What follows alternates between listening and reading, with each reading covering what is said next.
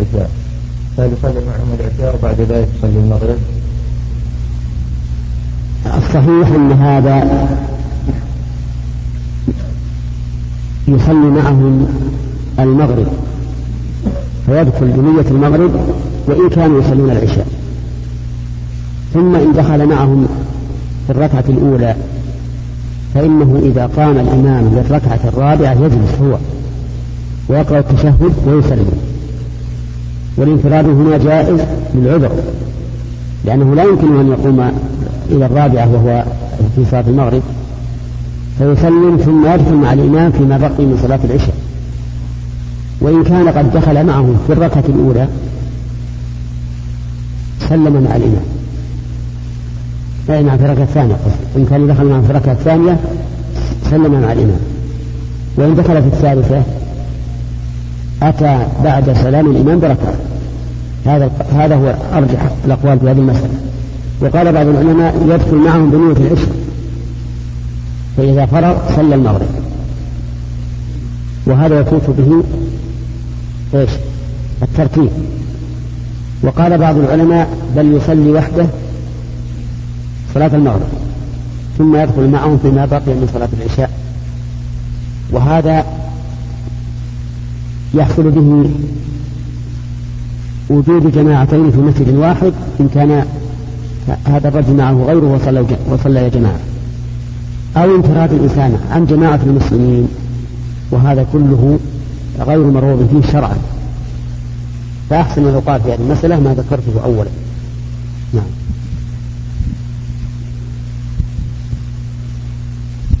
وهذه المسألة ليست تقع في المسافرين فقط تقع حتى في جمع المطر.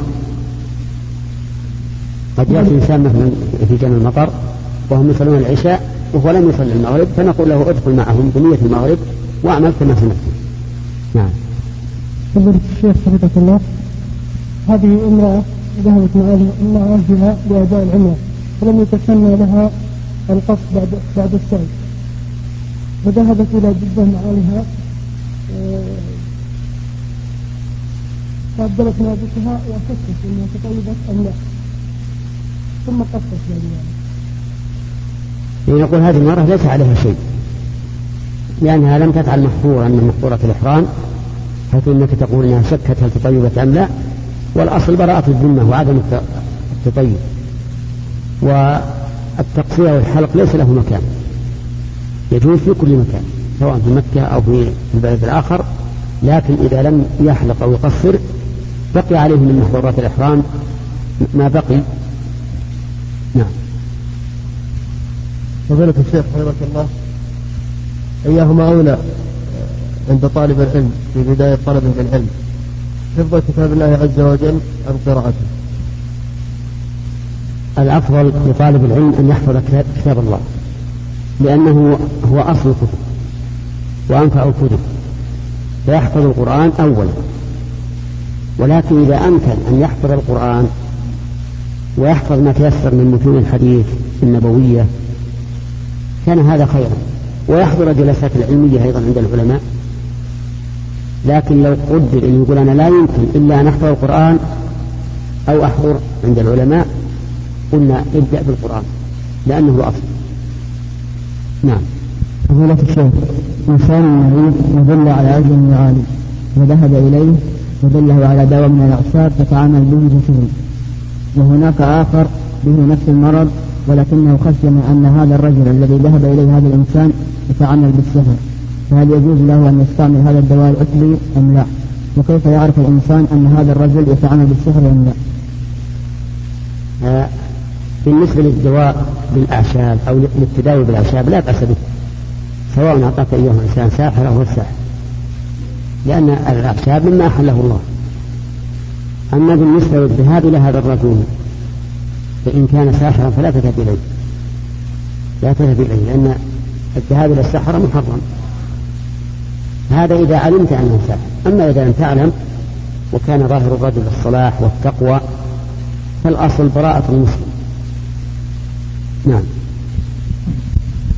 فضيلة الشيخ شاب يجمع مال للزواج وحالته متوسطة وحال عليه الحول هذا المال. هل يزكيه؟ أي نعم. إذا جمع الإنسان مالا للزواج أو جمع مالا يشتري به بيتا أو ما أشبه ذلك فإنه تجب فيه الزكاة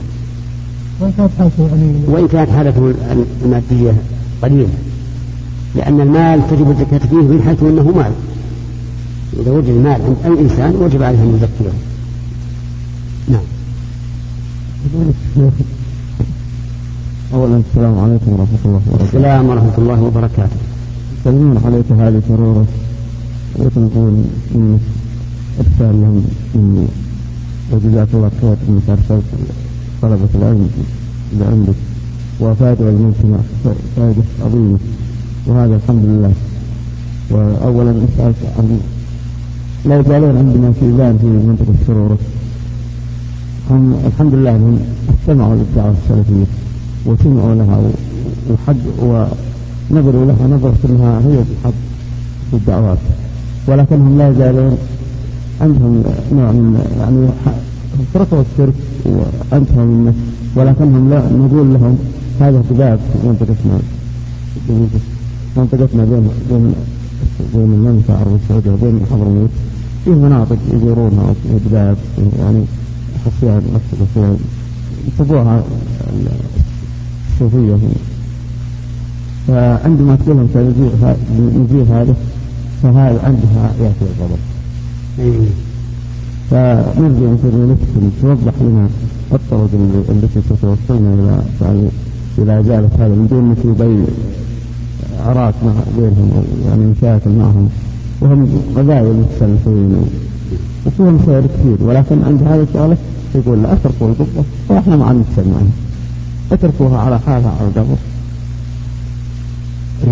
أولا أقول عليك وعليهم السلام. وقد بلغني والحمد لله أن الإخوان الذين جاءوا إليكم في أيام الإجازة أنه حصل فيهم نفع كبير وأن الناس والحمد لله قابلوهم بالقبول والاستماع والاجتماع إليهم. وجاءنا والحمد لله أيضا كتب حول هذا الموضوع كلها تدل على أن الناس انتفعوا وهذا مما يجعلنا ننشط لإرسال البعثات. أما بالنسبة لما ذكرت من أنهم تركوا والحمد لله الشرك وانتهوا عنه وتبين لهم أنه باطل فهذا خير. وأما ما ذكرت من الأحجار أو القباب وأنهم إذا قيل لهم في إزالتها توقفوا فأقول ينبغي أن أن لا نتعجل عليهم في إزالتها. إذا كانت إزالتها تكون سببا لرجوعهم إلى ما كانوا عليه أولا فإنها تبقى لأنها هي ليست ما دامت باقية ولكنها لا تعبد ليست شركا. لكن إذا رسخ الإيمان في قلوبهم والتوحيد فهم هم بأنفسهم يزيدونها لا شك فأرى أن لا تتعدلوا عليهم وأن لا تصادموهم من أجل هذا. ما داموا لا يذهبون إليها ولا يعبدونها ولا يطوفون بها اتركوهم وهم بكل حال إذا وقر الإيمان في قلوبهم سوف يزيدون نعم. بسم الله الرحمن الرحيم. الحمد لله والصلاة والسلام على رسول الله. فضيلة الشيخ توفي والدي رحمه الله وترك لنا منزلا عشنا فيه فترة من الزمن. والبيت تذكر الوالدة أن الوالد قبيل وفاته سبله بثلث ما وراء بقيه عشر. وليس هناك أوراق تثبت أنه وقف وفيه شبرة وقد آل هذا البيت بالسقوط وهو الآن معطل المنفعة. ولدينا الآن مبلغ من المال ورثناه عن الوالد ولكن هذا المبلغ لا يكفي لبناء هذا البيت. ثم أن بعض أخواتي بحاجة ماسة إلى المال وأحوالها ضعيفة وتلح علي بتوزيع هذا المال. فما العمل. حفظكم الله في هذا البيت وفي هذا المال. جزاكم الله خير آه، أما بالنسبة للمال فالمال تركة. المال تركة الذي يجد خلف أبيك يجب أن يوزع على على مستحقه أما بالنسبة للبيت فهو لم يثبت أنه وقف ثبوتا شرعيا لأن شهادة المرأة لا يثبت بها لا تثبت بها الوقفية. لكن أنتم إذا كان يغلب على ظنكم أن الوالدة قد تأكدت هذا الموضوع فالواجب عليكم التنزل عن هذا البيت. وأن تعتبروه وقفا كما قالت الوالدة وإذا كان الآن متعطلا فخذوا إذنا من المحكمة ببيعه. ويجعل ثمنه في بناء المساجد. لأن بناء المساجد أفضل من أضحية أو عشر مئات للإنسان سنة بعد سنة. إلا إذا قال إنه وقف على أولاده فإنه يباع ويشترى به بيت يكون وقفا كما نص عليه الوالد. الصبرة يا فضيلة الشيخ الصبرة لأصحابه. الصبرة لأصحابه. تبقى في هذا البيت حتى لو بعتموه فيبلغ المشتري بأن فيه الصبرة هنا السلام عليكم ورحمة الله. إذا وافق الزوج على شرط من الشروط ولم يكن به بعد فترة من الزمن بظروف معينة كما الفترة إذا اشترط الزوج على نفسه شرطا إذا وافق على شرط من الشروط. وافق على شرط من الشروط اشترطته الزوجة أولية. نعم. فإنه إذا لم يفي فللزوجة الفسخ لها أن تفسخ النكاح. إذا لم يفي إذا لم يفي به. لظروف معينة. ولو في ظروف معينة. إلا إذا كان عند الشرط قال نعم أنا ألتزم بهذا ما لم يكن كذا وكذا. فهو على ما شاء أما إذا قال أنا ألتزم به مطلقا فإنه يلزم به وإلا فلها الفسخ ولما وقع هذا في زمن عمر بن الخطاب رضي الله عنه قال يا, يا أمير المؤمنين إذا يطلقننا. قال قال رضي الله عنه مقاطع الحقوق عند الشروط. فمن شرط شرطا لنفسه فهو به أملك لكن للزوج في هذا الحال أن يطلب من المرأة التنازل للزوج أن يطلب من المرأة التنازل ولو بعوض يعطيها.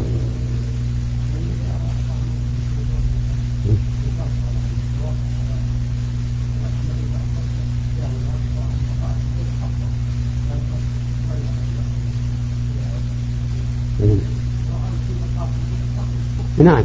هو لا شك أن المرأة إذا جاءها أولاد فإن بقاءها في بيتها أمثل لها ولأولادها. لكنه في هذا الحال ينبغي أن يقنعها. يقنعها يبين لها أن هذا خير وأن ذهابها للعمل إضاعة لبيتها وإضاعة لأولادها. فإذا فإذا اقتنعت ولو بعوض يبذله لها فهو طيب. وإن لم تفعل فهي على شرط. السلام عليكم ورحمة الله وبركاته. إلا إذا كان شرط عليه عليهم أنه نعم أنا ألتزم بأن أمكنها من التدريس أو من العمل بشرط أن لا يأتي أولاد يسجدونه لأنه ذكر هذا فهو على شرط. نعم. بسم الله والحمد لله والصلاة والسلام على رسول الله وبعد. هناك رجل اشترى لرجل ناخذ سيارة وباعها عليه بأقساط وزاد في القيمة بأجل معلوم فما الحكم؟ هل يدخل في بلاد الربا اشترى السيارة من رجل. اشتراها لهذا الرجل. اشتراها اشترى السيارة لهذا الرجل. نعم. فباعها عليه. نعم. يعني مثلا جاء شخص للتاجر وقال أنا أريد السيارة الفلانية فذهب التاجر واشتراها من المعرض نعم. بخمسين ألف ريال. نعم. ثم باعها على هذا الرجل بستين ألف ريال. نعم. نقول هذا حيلة على الربا هذا حيلة على الربا لأن هذا التاجر بدل من أن يقول أقبضك قيمتها خمسين ألف ريال بستين ألف إلى أجل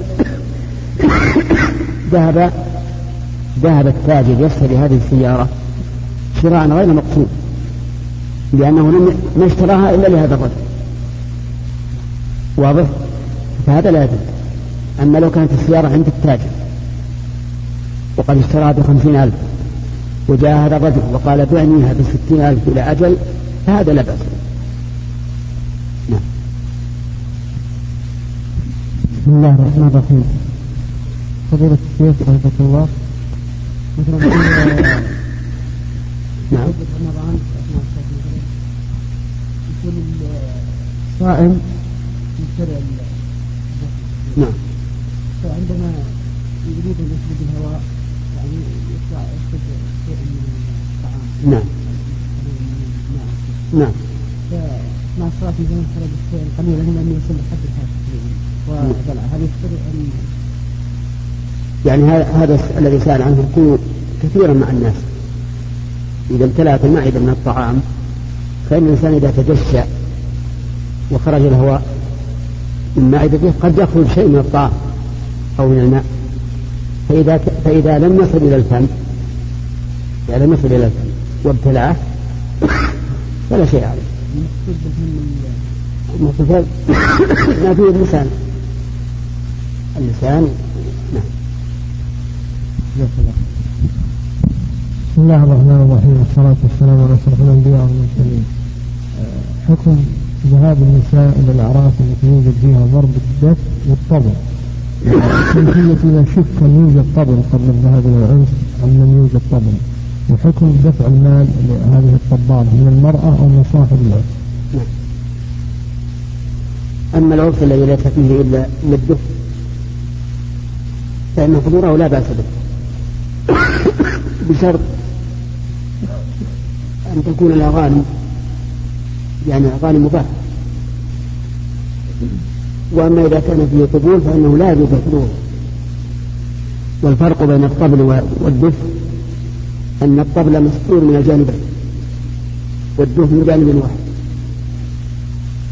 ولكن إذا قدر أن المرأة ذهبت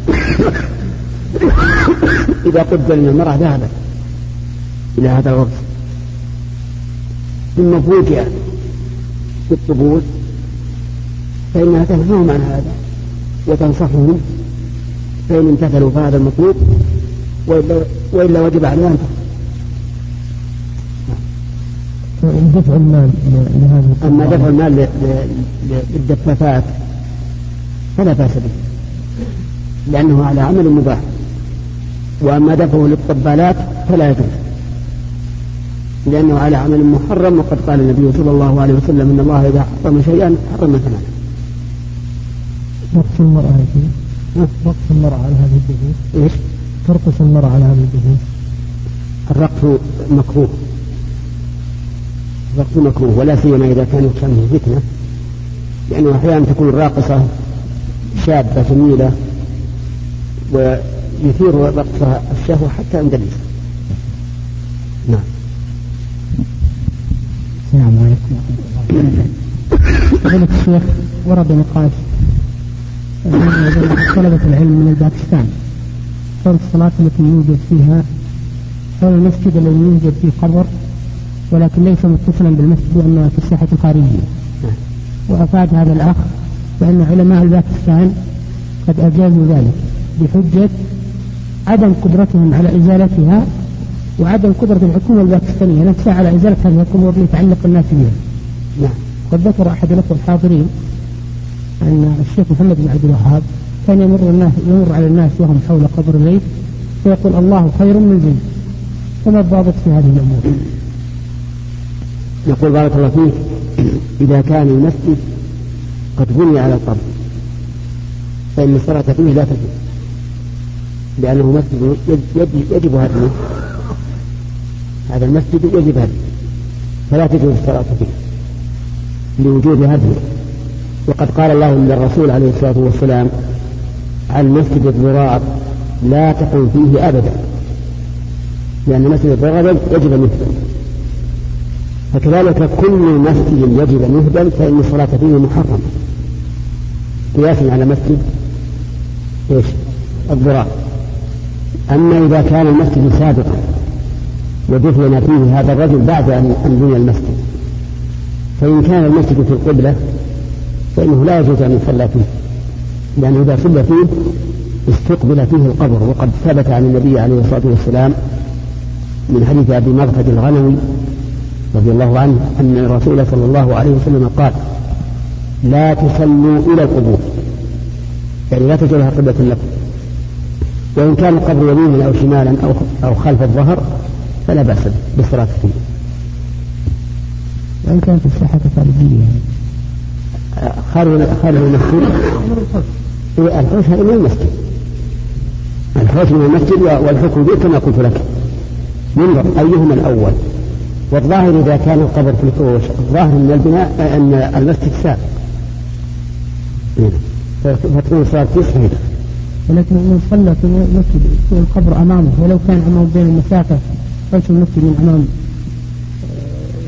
آه، يعيد الصلاة أو يصلي منفرد لا يصلي لا يصلي ابدا في هذا المسجد. ما دام المسجد في في مكان ما دام ما دام القبر في مكان يوتى بالمسجد لا يصلي وهو في قبلة فلا يصلي فيه.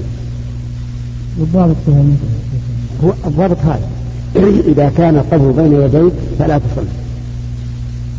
إذا كان القبر خلف ظهرك أو على يمينك أو عن شمالك فينظر هل القبر سابق على المسجد والمسجد بني عليه فلا تصلي عليه. وإن كان وإن كان القبر المسجد سابقا على القبر فصل.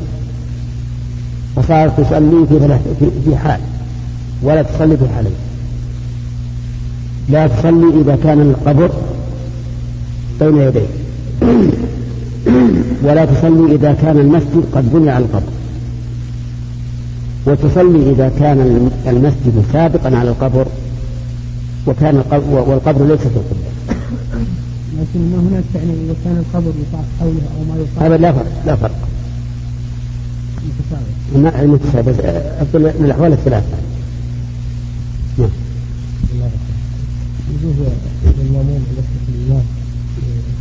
أمين. يسبقه بأمين؟ يا وش معنى يسبقه بأمين؟ قبل أن يقول الإمام آمين إيه. لكن بعد أن قال ولا الضالين إيه. لا بأس. نعم يسبقه لأن الرسول عليه الصلاة والسلام قال لا تسبقوني بآمين ولكنه كان يقول آمين مباشرة بعد ما يقول ولا الضالين يقول آمين. وفي الصحيح صحيح مسلم عن أبي هريرة أن أن النبي صلى الله عليه وسلم قال إذا قال ولا الضالين فقولوا آمين. فجعل محل قولنا آمين إذا قال الإمام ولا الضالين. وأما من توهم من الناس أن قوله إذا أمن الإمام فأمنوا يعني أنه إذا قال الإمام آمين فقولوا أنتم بعده آمين فهذا ليس بصحيح. فمعنى قوله إذا أمن يعني إذا شرع بالتأمين بدليل اللفظ الثاني الذي ذكرت لك إذا قال ولا الضالين فقولوا آمين شدد عليه الألباني فيه. نعم. شدد عليه الألباني فيه. هذا كلها سمعت الحديث. إذا قال ولا الضالين فقولوا آمين والحديث في مسلم. معنى إذا أمن يعني إذا شرع في التأمين. تأمل الشيخ فيه رجل توفى رحمه الله وخلف زوجته كبيرة بالسن مريضة ما أدري يلزم ذلك. إذا توفى الإنسان لزم زوجته العدة. أربعة أشهر وعشرة أيام ما لم تكن حاملا. ويلزمها في هذه العدة الإحداد والإحداد أن تتجنب الطيب. إلا الطيب الذي يكون بعد الحيض. تطيبه المرأة الفرج مثل البخور. فلا فلا بأس به. وتتجنب الحنة في الرأس أو في اليدين وفي الرجلين. وتتجنب الكفر وتتجنب التحسين بتحمير الوجه أو كمكياج أو ما أشبه ذلك. وتتجنب الحلم. وتتجنب الخروج من البيت إلا عند الحاجة والضرورة سواء كانت كبيرة أو صغيرة. الثياب. يعني يقول التجمل لا لا تتجمل. تلبس ما شاءت من الثياب غير أن لا تكون جميل سواء أسود ولا أخضر ولا أي أي لون نعم. أنت السلام. من أراد أن يدخل إلى الخلاء ونوى أن يتوضأ داخل الخلاء هل يذكر نص يعني البسملة لفظا أو ينوي داخل قلبه؟ لا أولا أن إذا أراد أن يدخل الخلاء قبل أن يدخل أيوه. يقول بسم الله أعوذ بالله من الخبث والخبائث. قبل أن يدخل. نعم. الشيخ رجل اعتمر فلم يحلق راسه نسي أن يحلق يحلق راسه فما الحكم؟ هل حلق ولا ما ذكر؟ لا. الآن لم يحلق إلى الآن؟ آه، سبحان الله. وين هو؟ لا بلغ الآن أنه لازم إذن عليها الآن. قل لازم أن تخلع ثيابك الآن لأنك ما بعد حليت حتى حتى ثم يحلق ويلبس ثيابه مرة ثانية. بلغ الآن الله ها؟ هي جنة الحرام لأنها الآن ما حل. لا يلزم فدية ولا لا ما أدري لا مجاهد كان تعرف تلفونها الآن؟ السلام عليكم ورحمة الله وبركاته. السلام عليكم. يوجد في الأسواق شيخ بعض أنواع من الشامبو الصابون ممزوجة بالعسل ولبن الزبادي. ما حكم؟ لا بأس باستعمال هذه الأشياء. التي يزال بها الأذى ويحصل بها التنظيف لكنها لا تستعمل في الاستنجاء أو في الاستجمار وفيها شيء مطعوم. نعم. وإلى هنا ينتهي المجلس لأنه ما بعد الأذان إلا الصلاة. تقبل الله منا ومنكم ونفعنا وإياكم بما علمنا والحمد لله رب العالمين وصلى الله وسلم على نبينا محمد وآله وصحبه أجمعين.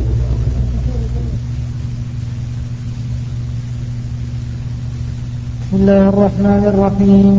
الحمد لله رب العالمين والصلاة والسلام على نبينا محمد وعلى آله وصحبه أجمعين.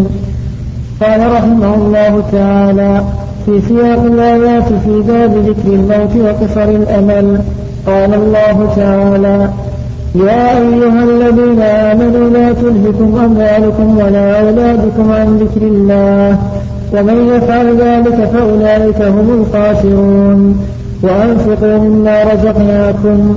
من قبل أن يأتي أحدكم الموت فيقول رب لولا أخرتني إلى أجل قريب فأصدق وأكن من الصالحين.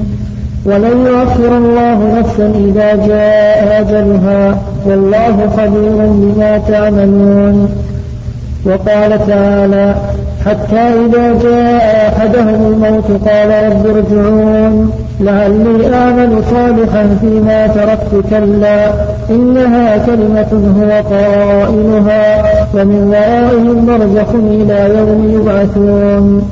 فإذا نفخ في الصور فلا أنساب بينهم يومئذ ولا يتساءلون.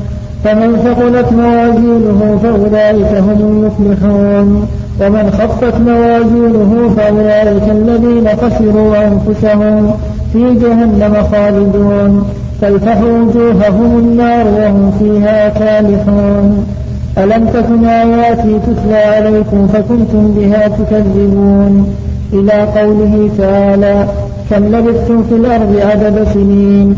قالوا لبثنا يوما أو بعض يوم فاسأل العابدين. قال إن لبثتم إلا قليلا لو أنكم تعلمون.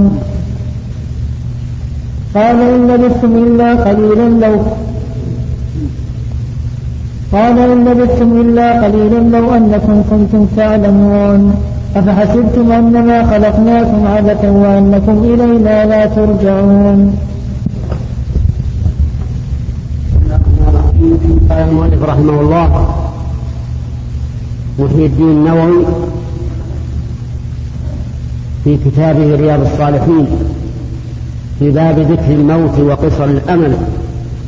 وأنفقوا مما رزقناكم من قبل أن يأتي أحدكم الموت فيقول رب لولا أخرتني إلى أجل قريب فأصدق وأكن من الصالحين.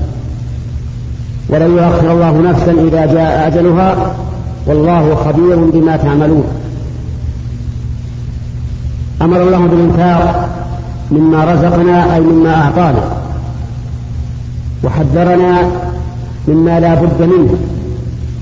من قبل أن يأتي أحدكم الموت وحينئذ يندم الإنسان على عدم الإنفاق ويقول رب لولا أخرتني إلى أجل قريب. يتمنى أن الله يؤخره إلى أجل قريب. فأصدق وأكن من الصالحين.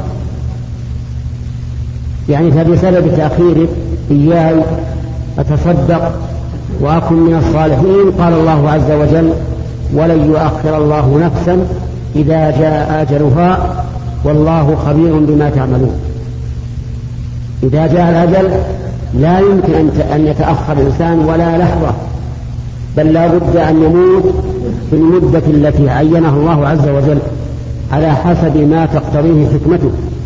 فمن الناس من يطول بقاؤه في الدنيا ومن الناس من يقصر كما أن من الناس من يكثر رزقه ومنهم من يقل ومنهم من يكثر علمه ومنهم من يقل ومنهم من يقوى فهمه ومنهم من يضعف ومنهم من يكون طويلا ومنهم من يكون قصيرا. فالله عز وجل خلق عباده متفاوتين في كل شيء. وقال الله عز وجل يا أيها الذين آمنوا لا تلهكم أموالكم ولا أولادكم عن ذكر الله ومن يفعل